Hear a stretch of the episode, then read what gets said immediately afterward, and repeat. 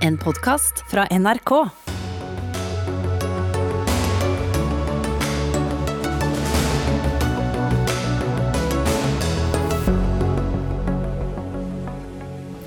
Hvordan i all verden skal eh, det gå med verden i året som kommer? Hva skjer med verdens mektigste stater, USA og Kina, og med den viktigste akutte enkeltsaken om liv og død, koronaen? Terje Tvedt setter to streker under sine svar før klokka blir 19 denne romjulskvelden. Det gjør også Camilla Stoltenberg, Sofie Høgestøl, Øystein Tunsjø, Bernt Hagtvedt og Stig Frøland.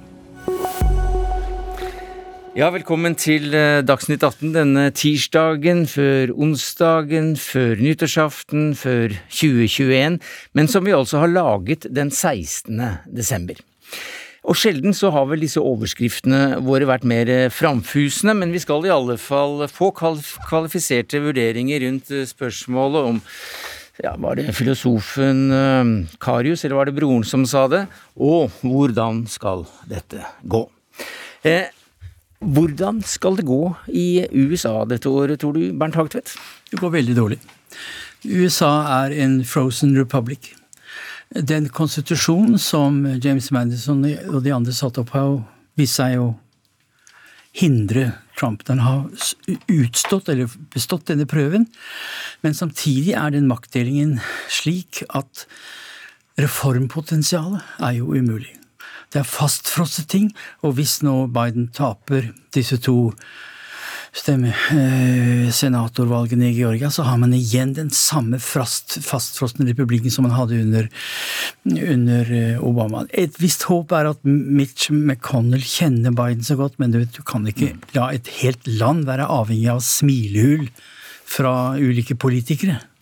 Du er eh, professor eh, i statsvennskap ved Bjørknes eh, høgskole og sammenligner i en Dagbladet-kronikk Trumps opptreden på massemøter med en Hitler og en Mussolini. Det er jo særlig den opptredenen han har på på balkongen. Du skal være temmelig tett i hodet hvis ikke du ser forbindelsen til Piazza Venezia med Mussolini.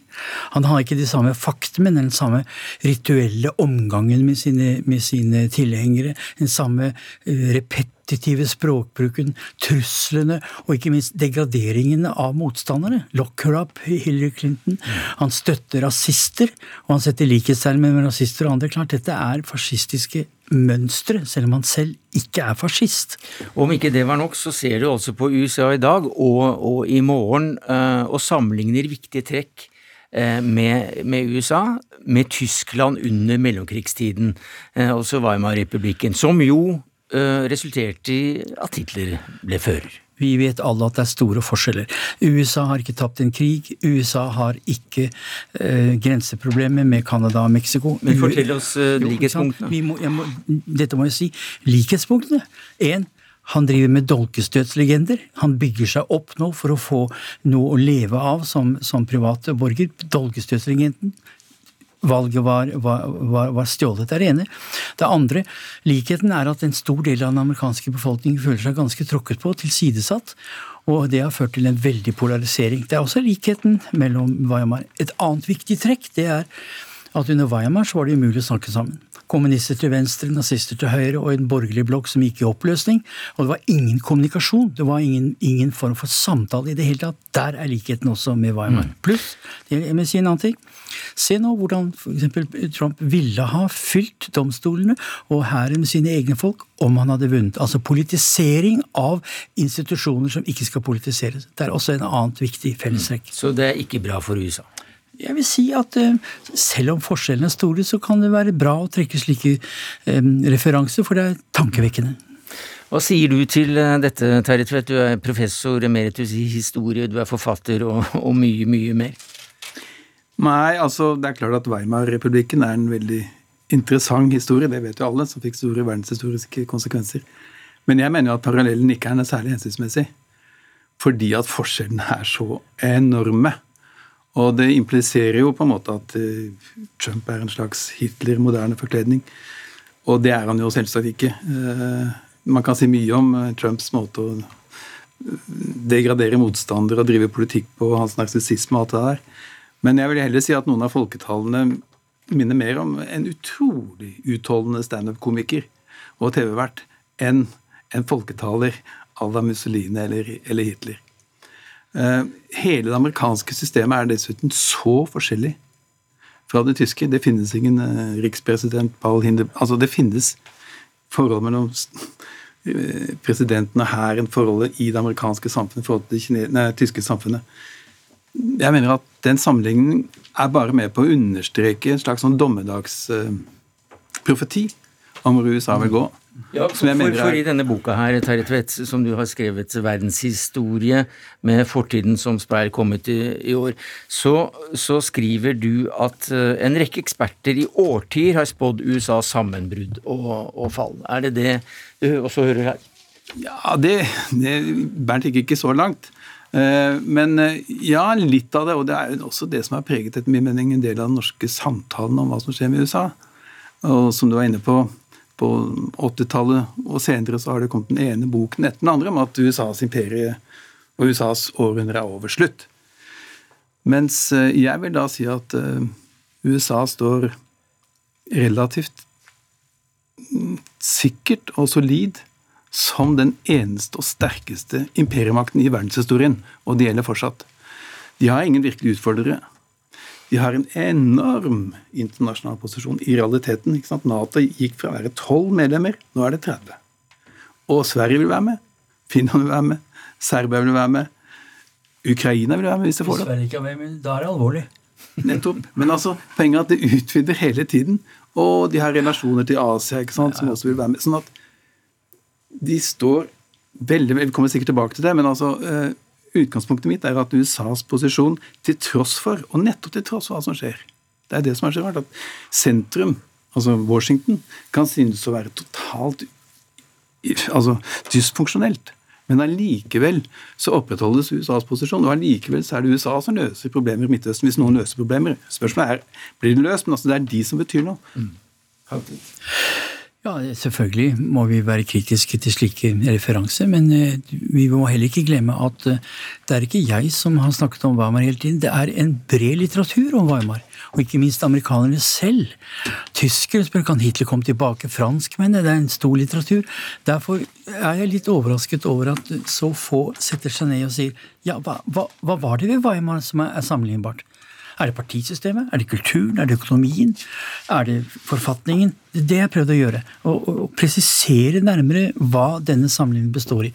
Og resultatet er at Washington er ikke Berlin 1933, men historien rimer som Timothy Snyder sier. Men, men, måten du gjør det på, er jo da også nettopp se eh, USA i dag uh, ut ifra et speil fra Weimar-tiden, ja, og, og, den historien til Weimar-republikken, ja. som altså har sted, som også fødte Hitler og, ja. og nazismen for så vidt, mm. mm. den er jo ganske grell. da. Den er grell.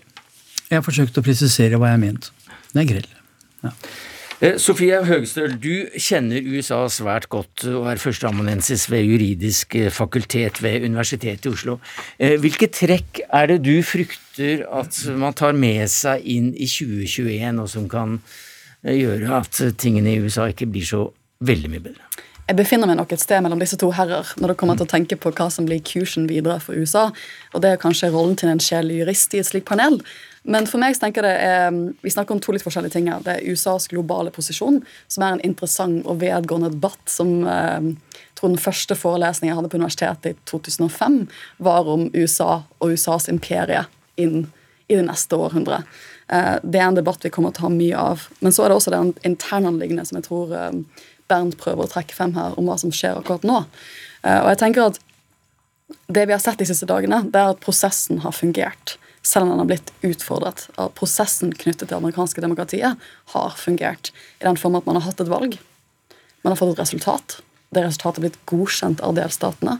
Delstatene har utnevnt valgmenn, og de har møttes 14.12 for å peke på Joe Biden som president. Og det var ingen valgmenn som stemte på noe annet enn det som var valgresultatet. Som noen fryktet. Som noen fryktet. Og nå har Mitch McConnell, som er leder for Senatet enn så lenge, um, for republikanerne kommet ut og sagt at, og gratulert Biden med eh, at han har vunnet, og anerkjent at han har vunnet valget. Det tok litt tid. Det tok litt tid, eh, men prosessen har jo fungert, selv om den har blitt utfordret.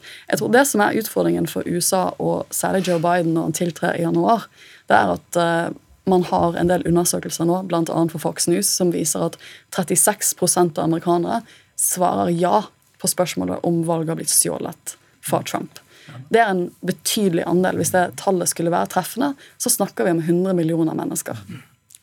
Og hvordan forsoner du et land? Nei, så det, Med en så stor andel. Hovedproblemet for Biden er, som Sofie sier, hvordan tale til de menneskene som er helt lukket. eh, Som er så frustrert. Det er en hvite arbeiderklasse primært vi snakker om.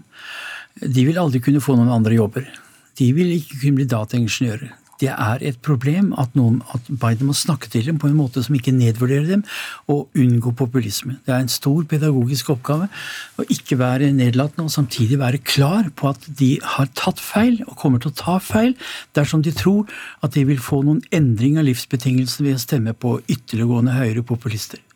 Terje Tvedt, du ser på dette ut ifra de, de lange linjene, også gjennom, gjennom boka di i USA-kapitlet. Ikke akkurat det som har skjedd nå, men allikevel.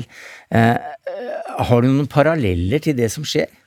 Altså at, at halvparten av befolkningen, nesten, i hvert fall over, mye over 30% sier at dette, det, det er ikke legitimt. Ja, nei, men altså, Det er jo den ene siden av saken. Den andre siden av saken det er jo at det aldri har vært flere som har stemt i USA heller på 120 år. Altså Valgdeltakelsen er helt fantastisk. Altså en, en, eh, si, en gjenoppliving av en del av de demokratiske tradisjonene. Det skal ikke undervurderes. Og poenget er at Her har man sagt hele tiden at de kommer til å nekte å gå av og tilkalle hæren osv. Men alle ser nå at det kommer ikke til å skje. Man kommer til å følge prosedyrene. Noen er, mener fortsatt det er valgfisk, ja. Men det er jo ikke noe nytt i historien, det, og ikke amerikansk historie heller. Og poenget er at motsetningsforholdene i USA har alltid vært sterke. Det er ikke så lenge siden at det var sterke afrikanske politiske bevegelser som gikk inn for å etablere en egen stat i USA. I det sørøstlige USA. ikke sant? African Nation. eh, African Republic. Sånn at det, på, det hadde jo et høydepunkt på 1960-tallet. Da var motsetningsforholdet sterkt. da. Nå spiller jo alle på lag med den amerikanske eh, systemet, så å si. ikke sant? Og du har Obama som har blitt president, og du har Kamala Harris som er visepresident. Altså en helt annen integrasjon. Så jeg prøver å si at det som er en styrke ved USA, det er at nettopp at det er det første virkelig multikulturelle imperiet i verdenshistorien. Og det gir en enorm prestisje internasjonalt i forhold til veldig, veldig mange andre imperier. Ja, jeg tenker Det med høy valgdeltakelse er veldig interessant, og absolutt en av de lyspunktene som har vært det siste året. at På tross av en veldig alvorlig pandemi og smittesituasjonen i USA siste måned har vært uh, ganske alvorlig, så var det så mange personer som trosset koronasituasjonen og ville delta i dette valget. Samtidig så ser man også undersøkelser som viser at um, folk er mye mer bekymret for uh, om motparten skal vinne valget enn de var for 20 år siden. Og de føler seg anxious om uh, det motsatte partiet da, fra det de stemmer på, skal vinne valget. Eh, og den polariseringen eh, man har sett, da har man masse ny forskning som viser at den har vokst frem siden 70-tallet på en måte det ikke har gjort i resten av Vesten. Eh, og jeg tenker at det å prøve å USA har alltid vært et paradoks alltid vært en bred sammensetning av forskjellige politiske interesser. Det er et land med 330 millioner mennesker. Mm. det å forsone det, det å prøve å forene det, og prøve å få et politisk system som, som greier å håndtere alle de skillelinjene, det har alltid vært utfordrende.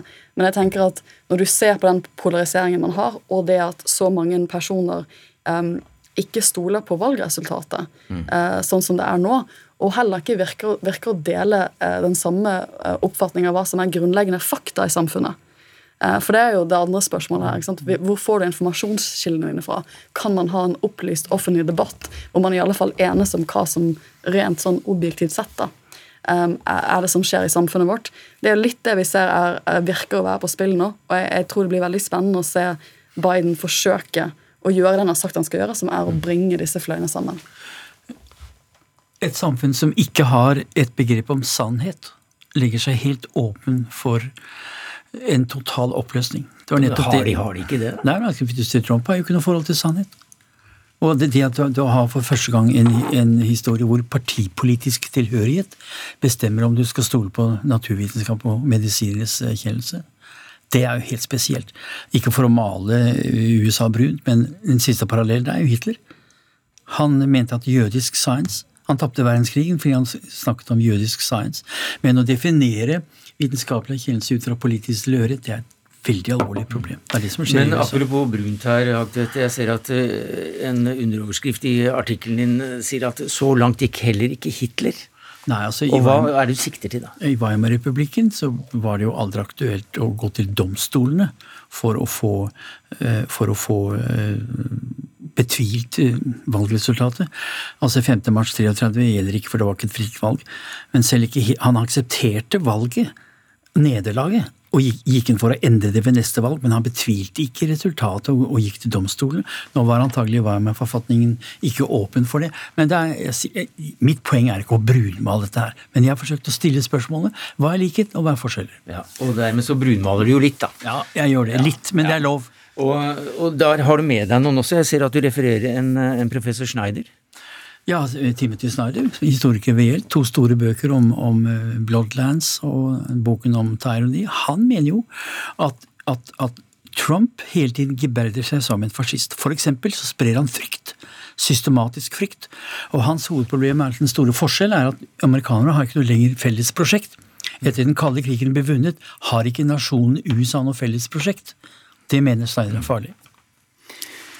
Ja, nei, Det kan godt hende, og det skyldes jo veldig veldig mange årsaker som ikke bare kan knyttes til en president, så klart. Altså, Jeg syns i det hele tatt at det å analysere USAs posisjon nå, både internt, men også globalt, ut fra hva én person har gjort i en veldig kort periode, det er fire år Han er snart historie.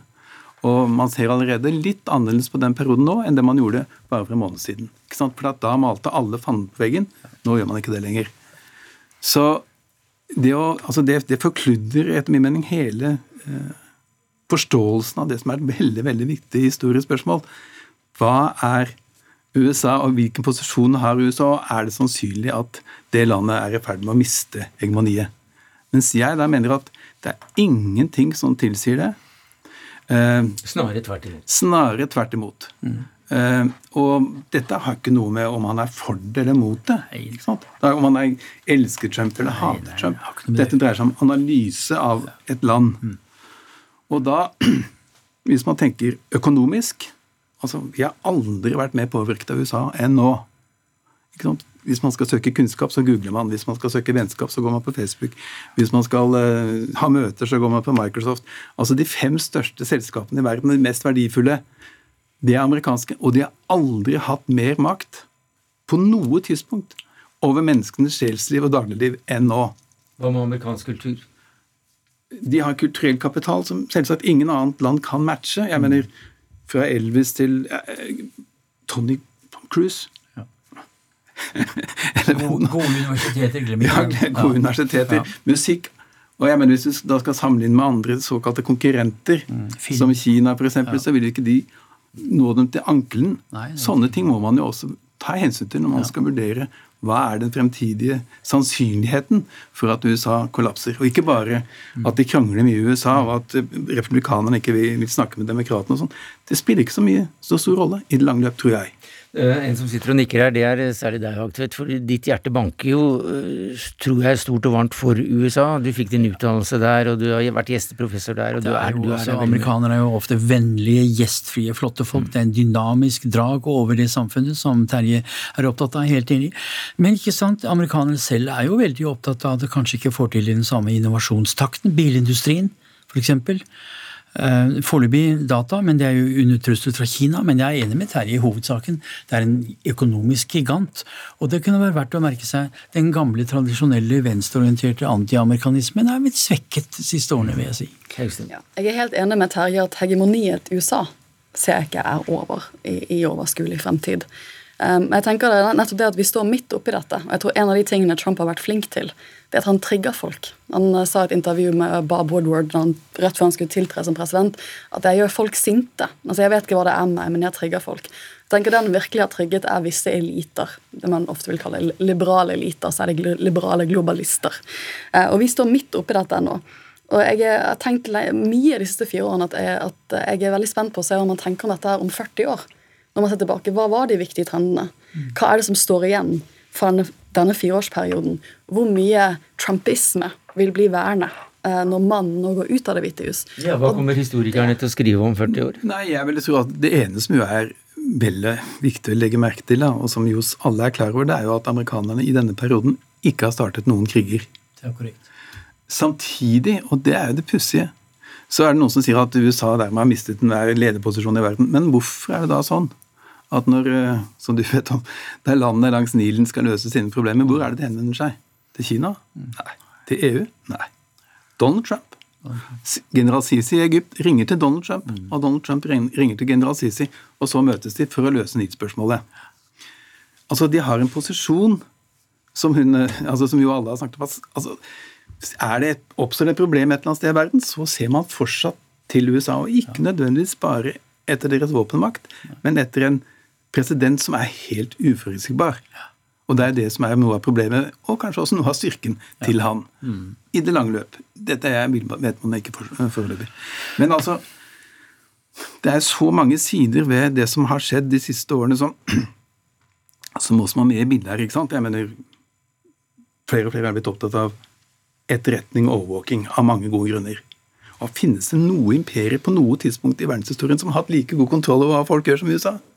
Samarbeid med Australia, Canada, Norge. Altså et gigantisk internasjonalt overvåkingssystem. Men Kina tar dem igjen. Nei, de har ikke muligheter, de har ingen å samarbeide med. De kan bruke Huawei, men hva er det for noe i forhold til det systemet som vi vet allerede Angela Merkel ble overvåket med? Ikke sant? Og vi.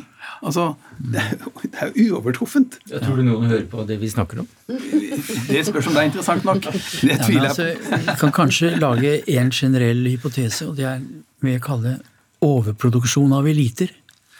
Det som skjer i USA nå, er at det er en veldig kamp om å bli del av eliten. Å komme inn på de gode universitetene. Der vet vi at man skyr nesten ikke noe midler for å komme inn på disse universitetene.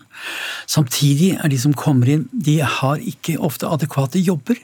Og du får da en type lompenintellektuelle som da søker politikere, som igjen søker folket.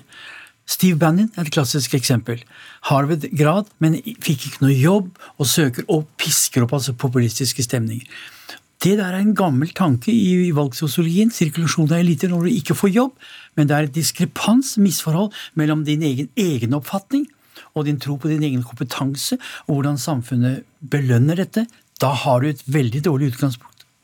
Jeg tror uh, Utenrikspolitisk så blir det spennende å se man kan trykke på knappen og spole tilbake fire år. Hvis vi ser på de folkene som Biden har utnevnt for å lede sin utenrikspolitiske satsing, så er det nettopp det han forsøker å gjøre litt. Han har utnevnt folk som satt i de posisjonene, eller kanskje nestleder i de posisjonene for fire år siden. Og det vi også ser, er at Europa og ganske mange av USAs allierte er kjempeglad, virker ganske lettet for å ha disse personene de har jobbet med før. Kompetent, sant? Kompetent? Altså, jeg tror at du kommer til å se kanskje en litt sånn reset av en del av de forholdene tilbake til der du var for fire år siden. Vi skal inn i Sikkerhetsrådet, og hun damen som skal sitte der, har jo vi jobbet med før i det amerikanske utenriksdepartementet. Så det blir veldig spennende å se hvordan det utvikler seg når vi også skal være en del av Sikkerhetsrådet. Du, Et eh, annet interessant tema når det gjelder USA, det er jo hvordan USA kommer til å håndtere Kina, som er ganske avgjørende også for verdenshandelen etc. Jeg er spent på det. Ja, altså jeg uh, leste en eh, rapport for noen år siden som, var ut, som, som, som, som skulle se på liksom, hva er mulige globale trender i utenrikspolitikken i sånn 30-årsperspektiv. Og En av de store skillene de meislet ut, var jo mellom et godt scenario og et mindre godt scenario, var jo USA og Kinas evne til å samarbeide. Um, og, og om Biden kommer til å, og, og hvilken linje han skal legge seg på vis-à-vis Kina, blir også spennende å se. For det tror jeg er en nøkkel for vår verden i årene som kommer. Så da har vi satt altså et par streker under noen svar, selv om vi ikke blir helt enige her om akkurat hvordan det går med USA i det nye året, takket være deg, Sofie Høgestøl, jurist og førsteamanuensis, amerikakjenner, og Bernt Hagtvedt, professor i statsvitenskap med et hjerte for USA. Takk skal dere ha. Vi skal ikke skifte helt tema, for vi skal snakke om USA og Kina, og Terje Tvedt, du må bli sittende.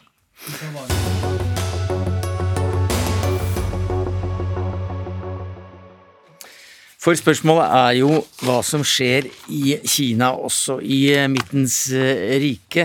Eh, verdens lengste sammenhengende eh, kultur med verdens nest største økonomi, som vi er så veldig avhengig av alle sammen, eh, iallfall ifølge de som styrer og steller med slikt. Men mange ser også på Kina som en voksende eh, trussel. Og Øystein Tunsjø, du er professor i internasjonal politikk eh, ved Institutt for forsvarsstudier. eh, Og så vidt vi vet den eneste i Norge med doktorgrad om dette forholdet mellom USA og Kina. Og Hvordan ser du for deg dette forholdet når vi går inn i 2021, og hva kommer du til å si, hva var det jeg sa, når vi runder desember neste år?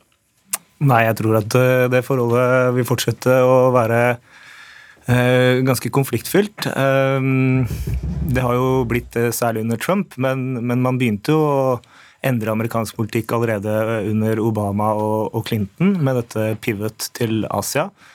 Eh, og jeg tror ikke vi får noen store endringer akkurat i, i den politikken fra, fra, Joe Biden sin side heller. Eh, det vi kan kanskje forvente, og som Biden allerede har signalisert, er at han skal jobbe tettere med sine allierte i særlig Øst-Asia-regionen, men også andre steder i verden, for nettopp å kunne demme opp for Kina. Og det kommer til å bli en utfordring, fordi det er ikke alle land som er eh, ja, har lyst til å være med på, på, akkurat det.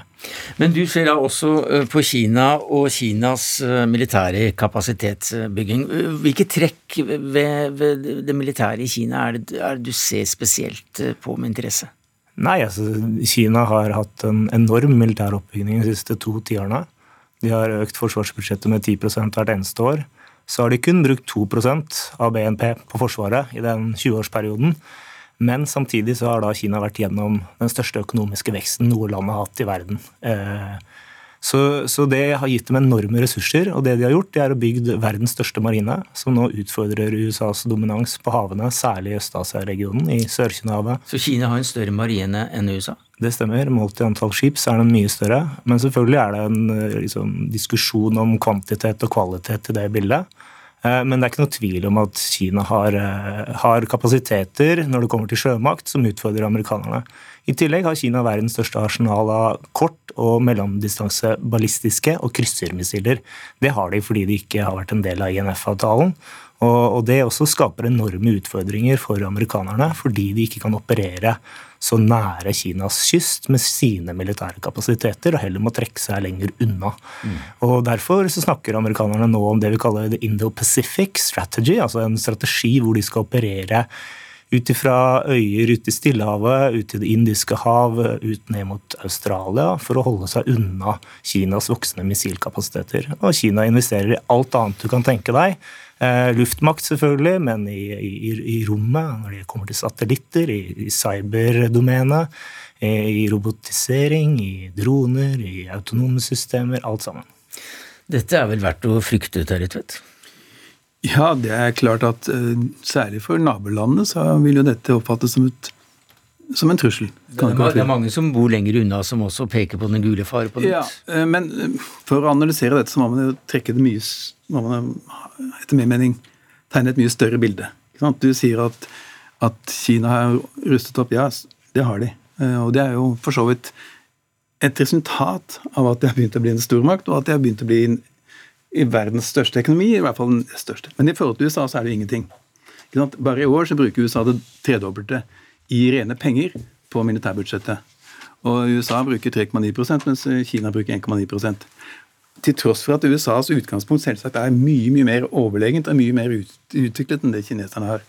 Sånn at Hvis man sammenligner den militære kapasiteten til USA og USAs allierte, ikke minst, og Kina, så kan det nesten ikke sammenlignes. Og Når det gjelder basepolitikk globalt Vi vet jo at Kina har kanskje én base i Djibouti, mens USA har baser i hvert fall i mellom 70 og 80 land, og soldater kan, kanskje over 100. Altså og du har dette, dette, sikkerhetssamarbeidet som jeg snakket om, dette etterretningssamarbeidet.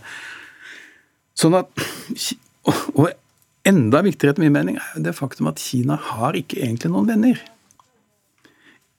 Ikke minst i sitt nærområde. De har vært i krangel i 2020 med India, grensekrangel. De har vært i krangel med Filippinene, også grensekrangel. De har vært i krangel med Japan, grense, grensekrangel. Og områdene rundt, altså Vietnam er skeptiske til Kinas ekspansjonisme. Altså, de har de, de har de står ganske alene i forhold til da USA, som har venner lokalt, regionalt, og som har venner over hele verden. Ja, men Bør vi ikke frykte dem like mye av den grunn?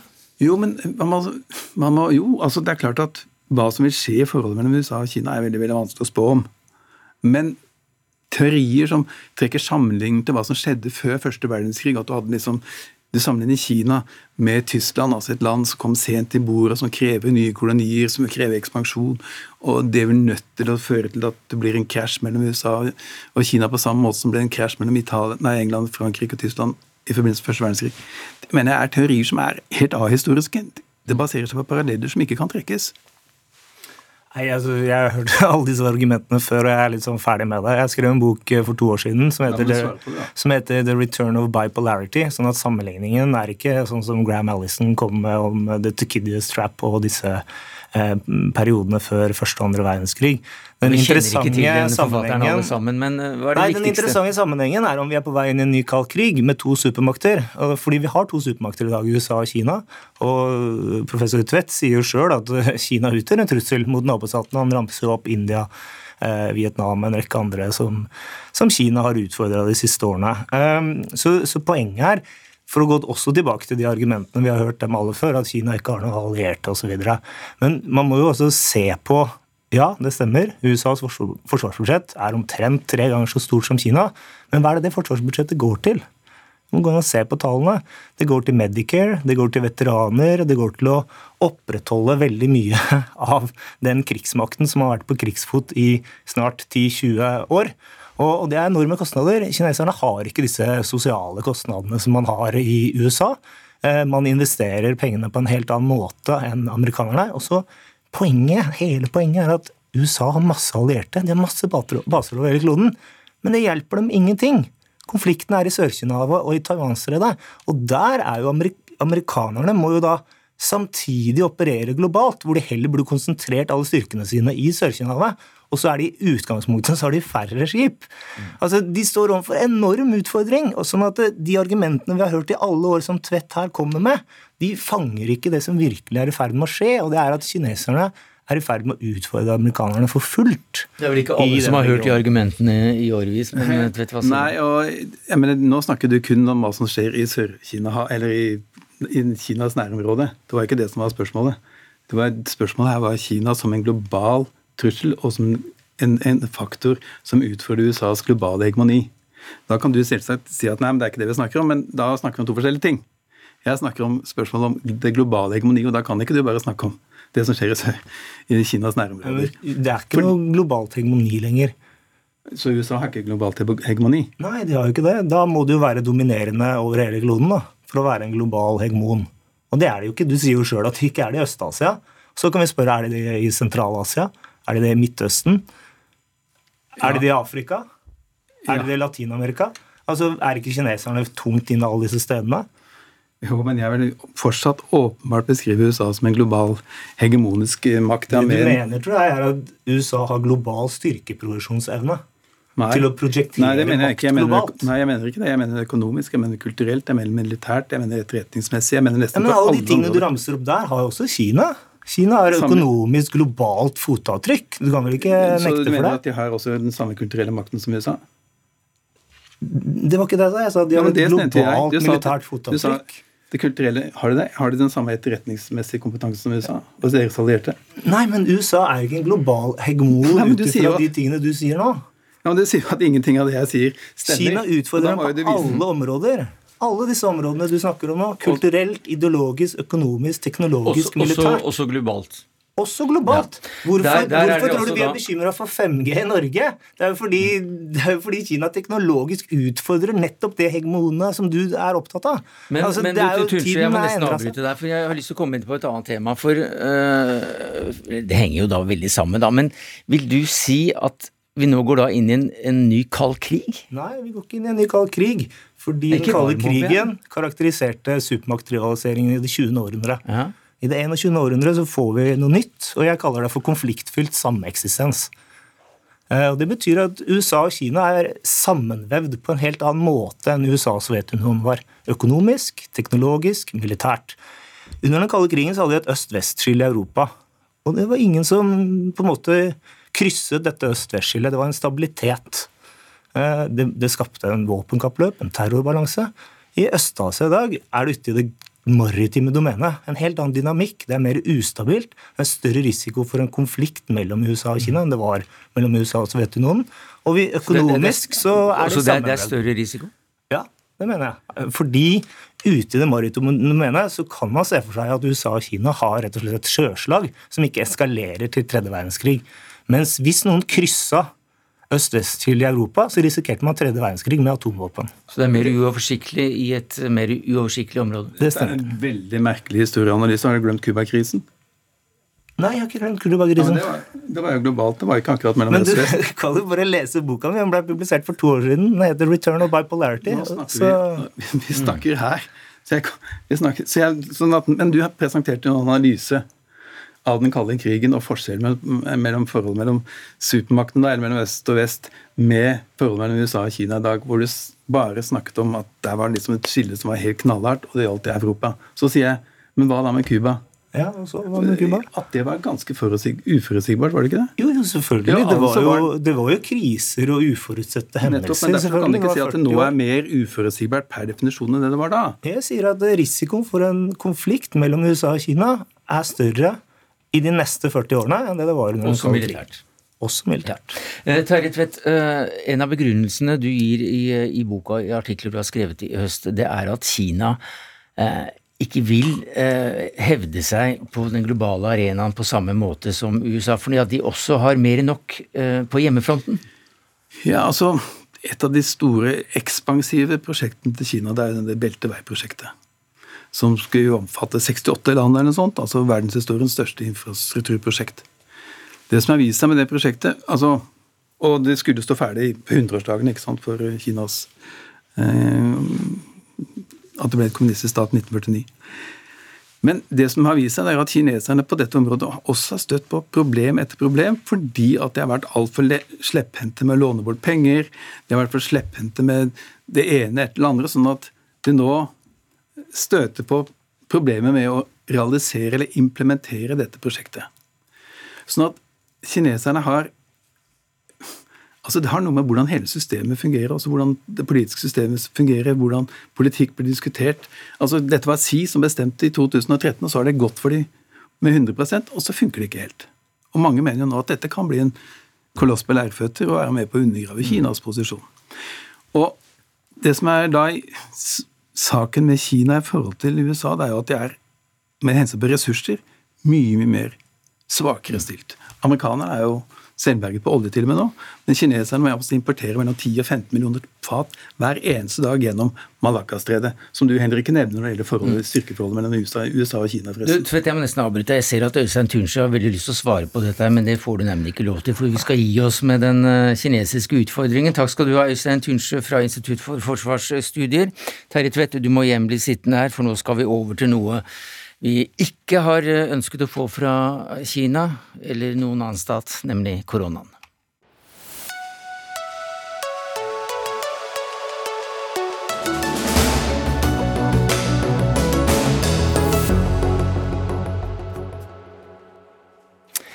Eh, Inn i studio så kommer eh, eh, professor emeritus i medisin, forfatter og veldig mye mer, Stig Frøland. Det tar litt tid før dere klarer å få dere på plass her. Camilla Stoltberg, velkommen til eh, deg også, direktør for Folkehelseinstituttet. Eh, Fordi vi rengjør bordene eh, og, og tastaturer og sånt nå mellom hvert gjestepar. Til deg, Stig Frøland, vi skal snakke om korona. Hvordan Og vi har nettopp snakket om Kina. Hvor sikre er man i dag i, i, blant eksperter at det faktisk, dette viruset kommer fra Kina? Utenfor Kina så er de aller fleste overbevist om at dette viruset stammer sannsynligvis fra Kina. For den nærmeste slektningen av dette koronaviruset er jo funnet hos kinesiske flaggermus. Og ikke i norsk laks? Nei. Så når Donald Trump stadig snakket om the China virus, så hadde han faktisk et poeng. Du er også, da, også forfatteren av, av denne boka 'Kampen mellom mennesket og mikrobene', som eh, helt utrolig nok da eh, kom ut i mars. April i år. Eh, og du skriver nå på en engelsk utgave, og du ser også på ulike scenarioer for hvordan i all verden dette skal gå. Hvis vi ser litt stort på det, og ser litt på verden som sådan, og vi begynner med det mest positive scenarioet, hva, hva, kan man håpe på for verden eh, innen et år, hvis vi hadde sittet her i, i, i desember 2021 og sett tilbake? Det er jo vaksinene som alle nå ser frem til. Og um, det er naturligvis en fantastisk bragd at man i løpet av noen måneder er kommet frem til vaksiner som er helt klart lovende. Det er jo en lang rekke vaksiner som eh, er i the pipeline, som det heter på norsk. Um, og det er klart at eh, vi har lov til å være optimister. Men jeg tror kanskje at det kan være lurt og med litt nøkternhet også, for det er jo flere mulige scenarioer vi må regne med når det gjelder eh, vaksinenes effekt på vår hverdag. Det aller beste scenarioet som vi i all fromhet må håpe på, er jo at vi skal få veldig effektive vaksiner som beskytter, altså effektivt, mot både sykdom og smitte, og gir det vi kaller flokkimmunitet, som alle har snakket så mye om. Med flokkimmunitet så mener vi jo at eh, den andelen av befolkningen som må være immune for at virusspredningen skal brenne ut. Ja, hvor mange prosent ja, regner man med når det gjelder korona? Det har vært regnet mye på det, og jeg tror de fleste estimatene på flokkimmunitet akkurat når det gjelder dette viruset, ligger sånn mellom 50-60 og kanskje opptil 70 ja vel, men det er, er, det så mye? Eh, du fortalte at meslinger jo er Der må du langt høyere. Er, er kravet enda større, for det, er et enda mer smittsomt virus. Der ligger det på over 92-93% flokkimmunitet. Men la oss si at vi har regner med 60-70 ved, ved dette viruset her. Eh, så er det klart at hvis man har en effektiv vaksine, så vil man kunne oppnå det når man har fått vaksinert mange nok. Men det vil ta tid, naturligvis, før man får oppnådd den situasjonen der. Og det forutsetter altså, som jeg sa, at det er en veldig effektiv vaksine, hvor vaksineeffekten holder seg over ganske lang tid. Det er ikke sikkert at det er slik. Vi vet ikke sikkert. Det er mange ubesvarte spørsmål når det gjelder disse vaksinene. Og det nest beste scenarioet eh, er jo at eh, Vi håper jo at det ikke blir det, men at vaksinene ikke beskytter mot smitte, men i en viss grad mot alvorlig sykdom.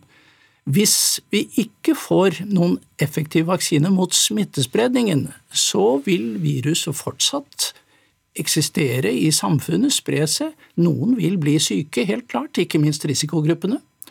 Og vi vil få død. Og eh, naturligvis en viss effekt vil vaksinen ha på, på eh, alvorlig sykdom, men når vi kommer til risikogruppene, så er vi opp til et annet ubesvart spørsmål. Vi vet at i vaksineutprøvninger så er ofte eh, risikogrupper ikke med i den første utprøvningen, og vi vet fortsatt ikke hvor godt representert de store risikogruppene har vært i de utprøvningene vi har nå. Gamle ble, mennesker det, og de andre risikogruppene med andre sykdommer ja. som svekker immunforsvaret. Så det var altså det beste alternativet ditt, og det nest beste var Ta kort det verste, da, så er vi ferdig ja, med det. Dette var det nest beste alternativet. Ja, at, ja, jeg hørte det, men ta det verste, så er vi ferdig med det. Så hvis, hvis vaksinen ikke har fullgod effekt på risikogruppene, så vil vi heller ikke ha beskyttet dem tilstrekkelig hvis viruset fortsatt sprer seg. Eh, det verste alternativet, eh, hvis du absolutt vil at jeg skal snakke om det, det må jo være at vaksinene viser seg å ikke ha noe særlig effekt verken på sykdom eller smitte, men det tror jeg ikke er realistisk. De har nok effekt på, på alvorlig sykdom, i hvert fall. Og det er jo mange vaksiner som ligger der og venter. Og det kan godt hende at de har eh, noe ulike effekter også. Camilla Stoltenberg, direktør eh, ved Folkehelseinstituttet. Eh, hvordan blir 2021 her hjemme, hvis du ser litt positivt på det? Jeg syns for det første at eh, Stig Frøland har gitt en veldig fin beskrivelse av de scenarioene vi har foran oss når det gjelder vaksinasjon. og så vil vi jo bruke tid på å følge nøye med på hvordan vaksinene virker, og hvilke bivirkninger de har, og om de virker både på å redusere risikoen for sykdom og død, og på smittespredning.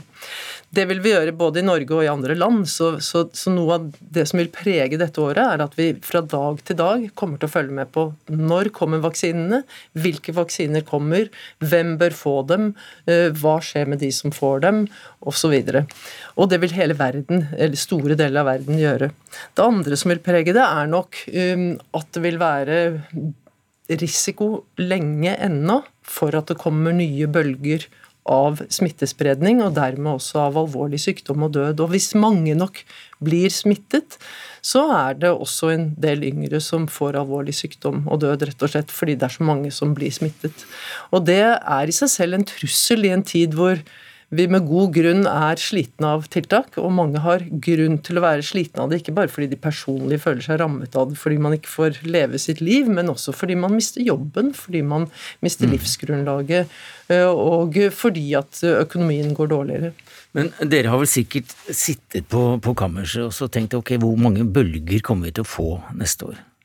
Vi har egentlig ikke sittet på kammerset og gjort noe som helst. Det har knapt vært innom kammerset, fordi veldig mye av det vi gjør, det kommuniseres umiddelbart, inkludert våre refleksjoner om hvor mange bølger får vi.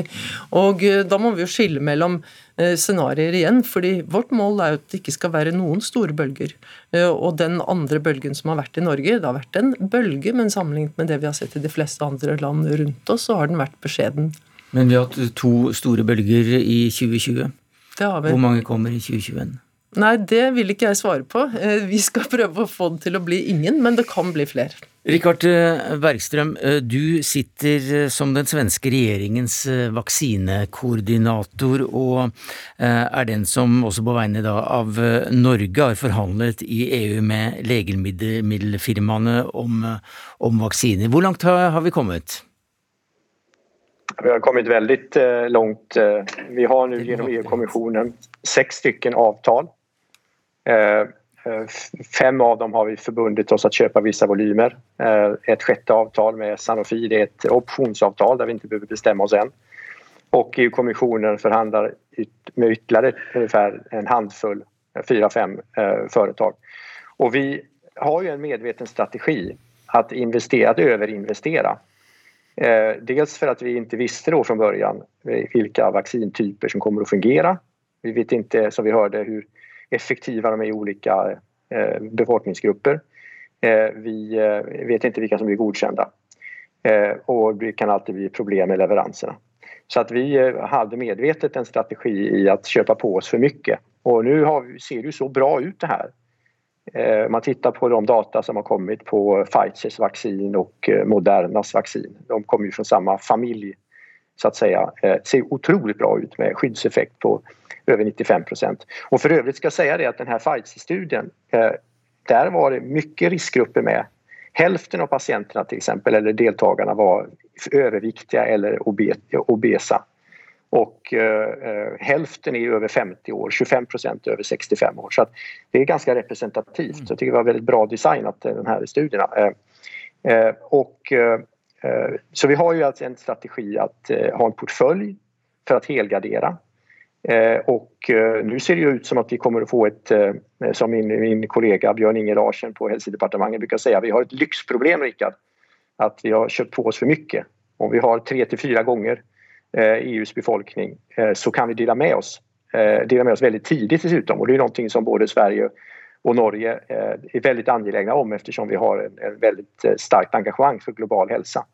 Ja, hvilken, eh, Hvilket engasjement er det? Altså, når kan vi regne med at f.eks. Eh, afrikanerne blir eh, ja, Er det snakk om å massevaksinere hele kontinenter her? Ja, alltså det, det där är en väldigt intressant diskussion därför att det finns då ett, ett ramverk. Världshälsoorganisationen har ju ett, ett, ett, ramverk och eh, för övrigt det sekretariat som koordinerar det här det leds ju av Norge. Det är ju Jan Arne Röttingen som är Camillas företrädare tror jag eller, eh, som leder i arbetet. Eh, så det finns ett, ett ramverk för eh, jämn rättvis fördelning eh, i samma tempo som vi eh, får vaccin i de rika länderna så ska vi även få det i utvecklingsländerna eh, och i synnerhet i låginkomstländerna. Och då ska man prioritera de som jobbar i hälso och sjukvården, prioritera de äldre och även då de som typ jobbar i äldrevården. Nu har man inte så mycket äldrevård och jag hörde en siffra om att det finns fler personer över 70 år i Italien än i hela Afrika. Jag har inte verifierat den uppgiften men det låter ganska troligt. Mm. Så, att, så att det blir ju så att vi kommer ju att komma, även om vi då följer de här allokeringstabellerna så kommer ju Afrika till exempel, Sub-Saharan Afrika, att få relativt sett färre doser. Och, det är ju för att vi har mer medicinska problem då i, i, den rika världen. Mm. Ja, Camilla Stoltenberg, det er jo et dilemma, eller i hvert fall et tankekors, om man virkelig skal gå i gang med massevaksinasjon på den måten som, som ble skissert her. Og så skal hele befolkningen vaksineres. Alle sammen i alle land. I Folkehelseinstituttet har vi valgt å ikke snakke om massevaksinering, og det er nettopp av de grunnene som Stig Frøland pekte på, at vi vet ikke akkurat hvordan disse vaksinene virker. Så i første omgang er vi opptatt av å vaksinere de som er utsatt for mest alvorlig sykdom og har høy risiko for å dø av den sykdommen. Men hvis det virker bra, da, vi skal komme opp på det nivået som, som Frøland skisserte her, nemlig 70% flokkimmunitet? Ja, hvis det virker bra, så vil det over tid bli tilbud om vaksine til alle voksne, i hvert fall. fordi Vaksinen har ikke vært utprøvd på barn og ungdom hittil, i hvert fall. Det kan nok skje etter hvert, det òg, men det har ikke vært eh, vesentlig fordi de i så liten grad får alvorlig sykdom. Men det betyr at eh, her vil vi ta det stegvis og være nettopp nøkterne. Samtidig så er det en helt utrolig og fantastisk situasjon at vi har mulighet til å få så mye vaksine på så kort tid.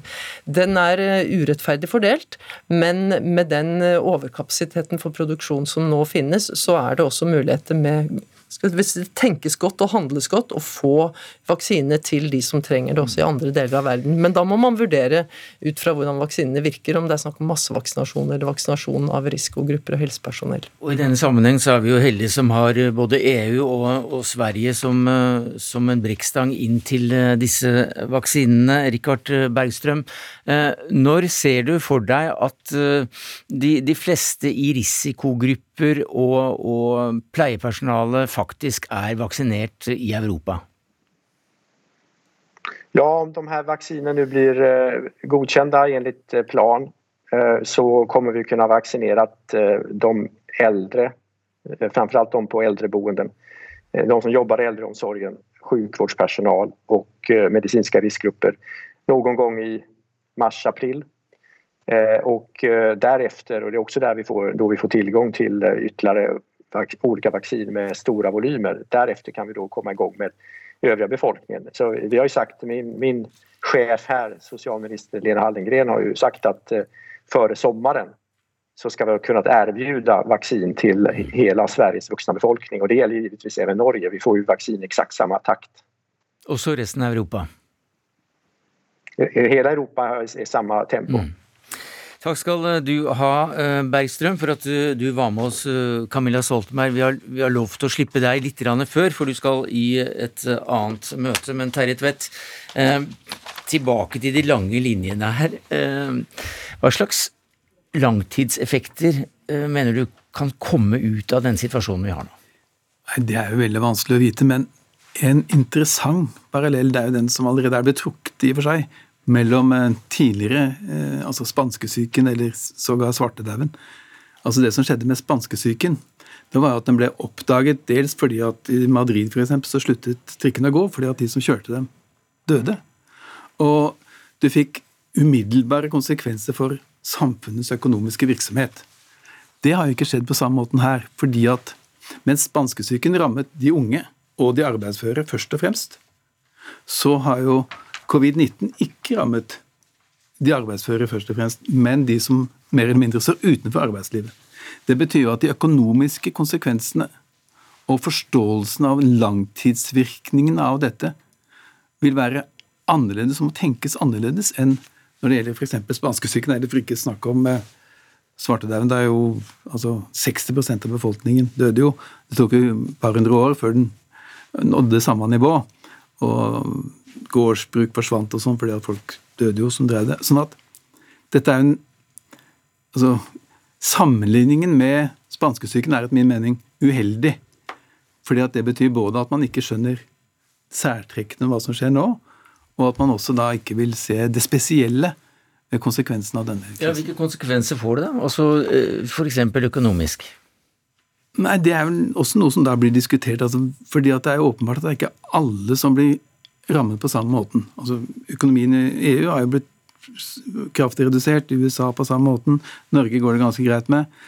Men eh, samtidig så er det jo sånn at mange av verdens største og rikeste selskaper har jo aldri tjent mer penger enn under eh, covid-19. Ja, det er, det er også gamlinger som eh, som går først her når det, når det ja. gjelder disse tallene, er vel også kanskje litt heldig for verdensøkonomien. Da. Vi, eh, ja, mange er ikke lenger i aktivt arbeid og en belastning. Ja, nei, altså, Det kan godt hende, men i hvert fall så skjer det en omfordeling, kan du si, mm. innenfor, uh, innenfor, næringslivet. Fra de små til de store, kan det se ut som. Og, og, og som sagt, uh, jeg mener Facebook og Google og mm. Amazon særlig, de har jo økt. Ja. Jeg tror det er 1,2 millioner ansatte. Ja. Eh, Stig Frøland, i, i, denne boka di så tar du også opp kampen mellom mennesket og, og, og, mikroben. Den er forresten både større og tyngre enn en din, Terje Tvedt. det er kanskje ikke størrelsen det kommer an på. Men eh, der trekker du også da inn historien. Altså mikrobene har vi levd lenge med. Ja, de sto klare og møtte Homo sapiens da vi første gang eh, trådte ut på Afrikas saner. Og da hadde de eh, en CV på et par milliarder år. Og de kommer at, til å stå igjen ja, når vi forlater kloden. Ja, sånn at de kom to milliarder år før oss og kommer til å være her i fem milliarder år etter oss? Må regne med det. Ja. Hvordan har denne kampen artet seg i, i, den, i den nyere tid? Hvis vi tar nyere tid, de siste tusen ja, Jeg opererer med flere store skiller, skifter, transitions, det heter i historikerfaget, tror jeg. Eh, og en av de store skillene, som jeg ser det som lege og infeksjonslege, det var den bakteriologiske revolusjonen som kom med 1880 70-80-årene med Pasteur og Koch og deres mange begavede efterfølgere. For mikrober er både da eh, bakterier og virus? Det er både bakterier og virus og en del andre ting mm. også. Skumle ting som prioner, sånn som mm. gir eh, kuru og kugalskap osv. Mange ting i tillegg til bakterier og virus. Men først etter den bakteriologiske revolusjonen ble man klar over disse, disse motstanderne. Tidligere så var det jo en skyggeboksing i hundretusener av år hadde menneskene sett disse sykdommene, åpenbart. Mange av dem. De har jo oppstått etter hvert over tid. Men de skjønte jo ikke bakgrunnen for det, så det var jo alle slags teorier naturligvis i tidligere tider om både demoner og guder og det ene med det andre. Men nå fikk man i hvert fall eh, se sine motstandere. Men fortsatt tok det lang tid før man fikk eh, medikamenter etter den bakteriologiske revolusjonen. Når det gjelder dette viruset, vi kom ikke inn på behandlingsmulighetene her. Mm. For der er det fortsatt store problemer. Det har vært bare skuffelser her når det gjelder medikamentutprøvning hittil, med én unntagelse. Ja, der fikk vi en liten pessimistisk eh, eller realistisk eh, korrigering. Det var det vi, vi, rakk så langt eh, når vi skulle se ned i krystallkula. Takk så mye for at du var med på det, Stig Frøland. Eh, du ser altså, eller hører på et opptak vi gjorde 16. Eh, desember. Takk til Camilla Stoltenberg også, til Rikard Bergstrøm og til Terje Tvedt. Ansvarlig for det hele var Arnhild Myklebust. Det tekniske ansvaret har Eli Kyrkjebø hatt. Det har vært mye alvor eh, i dag, men det blir ganske latterlig i morgen når Espen Aas med gjester skal ta for seg humoråret 2020. Men til slutt, Tvedt, du har vært med oss gjennom hele denne timen i eh, Dagsnytt 18. Og i siste avsnitt i boka di, Verdenshistorien, så skriver du at eh, det er mange grunner til å være pessimist, men Det er altså ingen grunn til å bli overmannet av teorier om at historien er nådd, eller er i ferd med å nå sin endestasjon, og dermed tape troen på menneskets muligheter til å forandre verden og seg selv. Takk skal du ha.